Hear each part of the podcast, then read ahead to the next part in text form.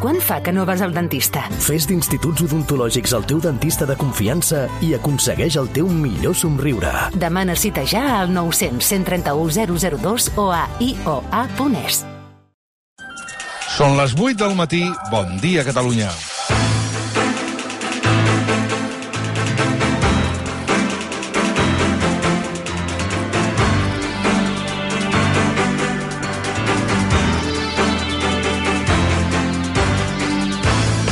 A les últimes hores s'ha fet viral un fil de Twitter, ara en diem s'ha de dir X, però ningú li diu, en què una antropòloga critica l'actitud que tenen molts alumnes de batxillerat a les aules. Es diu Alba Medina i es dedica a visitar instituts per fer xerrades d'orientació universitària. Doncs bé, l'Alba, i en aquest fil de Twitter, deia a tots els docents de secundària us planyo.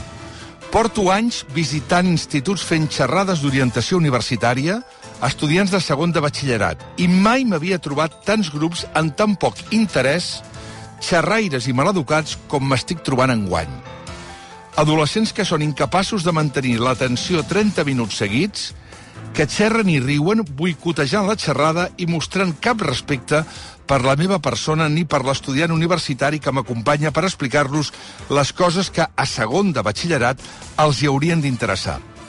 Adolescents que mai haurien d'haver arribat a segon de batxillerat i que estan escalfant cadires a l'institut perdent el temps. I, de pas, també ens el fan perdre la resta. Adolescents amb zero motivació i interès per res. És tristíssim.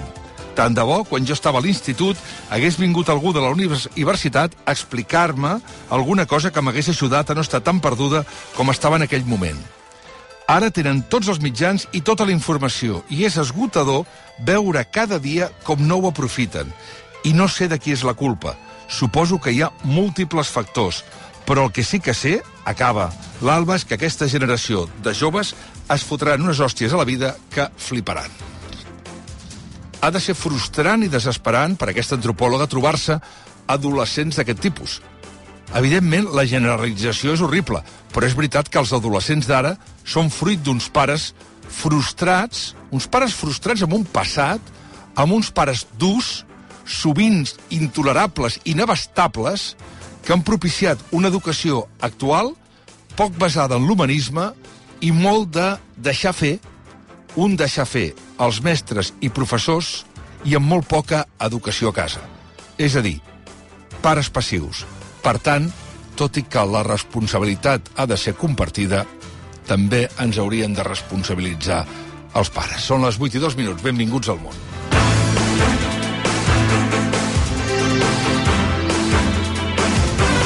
El món a RAC1 amb Jordi Basté.